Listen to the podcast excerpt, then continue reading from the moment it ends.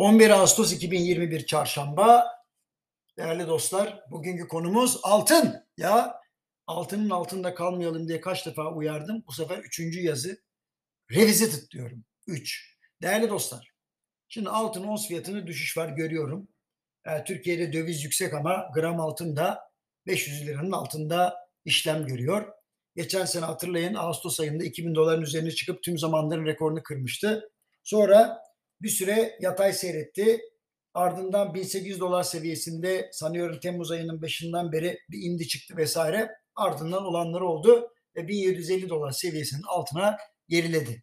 Ancak şunu da söyleyeyim 2021'in başından beri iki defa zaten 1700 dolar seviyesinin altını test etmişti. Geçen yıl neydi? Hemen söyleyeyim 2027 dolar. Nereden nereye? Şimdi Fed'in varlık alımları ile ilgili yaklaşımları ve parasal genişlemeye doğrudan endeksliymiş gibi davranan altının bir anda düşüş göstermesini mantıklı sebeplere bağlayabiliriz. Elbette anlatalım işte şuydu buydu diye. Ama yine de şunu söyleyeyim. Emtia ve sermaye piyasalarında daha önceden belirlenmiş algoritmalara göre işlem yapan yapay zeka var. Unutmayın ha. Computer trading deniyor. Hiç öyle duyguları da yok.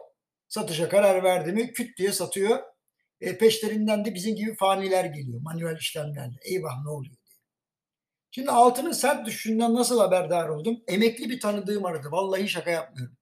O kadar yakından takip ediyor ki ya benim görmemden fark etmemden hızlı bir şekilde davranarak bana telefon açıp bana haber verdi. Şimdi Haziran'dan beri zaten düşüşteydi gram altın. Yatırımcısını mutsuz ediyordu. Ee, yeni düşüş tabii e, tuz biber etti. Onu söyleyeyim. E, açıkçası geçen yılın Ekim-Kasım aylarında 500 lira üzerinden maliyetlenmiş olanlar zarar etmeden ya da az zararla satış yapabileceği tek bir süreç yaşadı. O da bu senenin 15 Mayıs ile 15 Haziran arasında. Sonra tekrar düşüşe geçti gram altın. E, bu arada doların Türkiye'deki yükselişi de yaralara merhem olmuyor. Onu da söyleyeyim. Şimdi fiyatları yüksek buldukları için satın almaktan vazgeçenlere sormak istiyorum. Bugünkü düşük fiyatlardan kademeli olarak satın alıyorlar mı? Vallahi. Çünkü 2020'de de benzer bir şey görmüştüm. 250 liradan alamayanlar hayıflandı. 200 liraya düştü. Aldınız mı dedim. Yok biraz daha düşsün dediler. Fırsat kaçtı. İşin gerçeği altın ya da hangi yatırım aracı olursa olsun alım ve satımlarda kademeli bir metot uygulanması en doğrusu.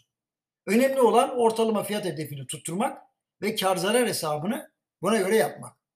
Üst üste talihsizlik yaşanabilir ha onu da söylüyorum. Mesela rakibiniz tavla oynarken üst üste 5 kere 6 6 atabilir. Probabilite açısından son derece doğal ama tekrar arttıkça ihtimal de azalır bunu unutmayın. Demek istediğim şu.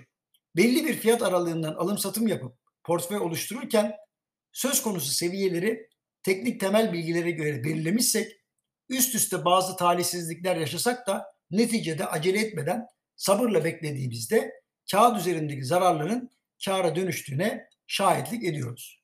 Üzerinde fazla düşünmeden panik halinde yapılan işlemlerin ciddi para kaybettirdiği de ortada. Şimdi bugün yine altında aynı gelişmeyi yaşıyoruz. Daha önceki fiyatları yüksek bulanların yine almak için tereddüt ettiği, çok yüksek seviyelerden alım yapanların da endişeyle izledikleri dalgalanmaların içindeyiz. Bana telefon eden kişiye sordum. Düşük seviyelerden alacak kadar paranız kaldı mı? Cevap hayır. Demek ki paramızın tamamıyla yatırım yaptığımız zaman fırsatları kaçırıyoruz.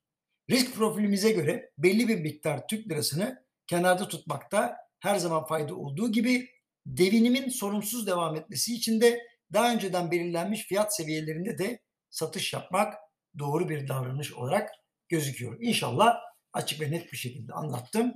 Efendim yarın görüşmek üzere. Hoşçakalın.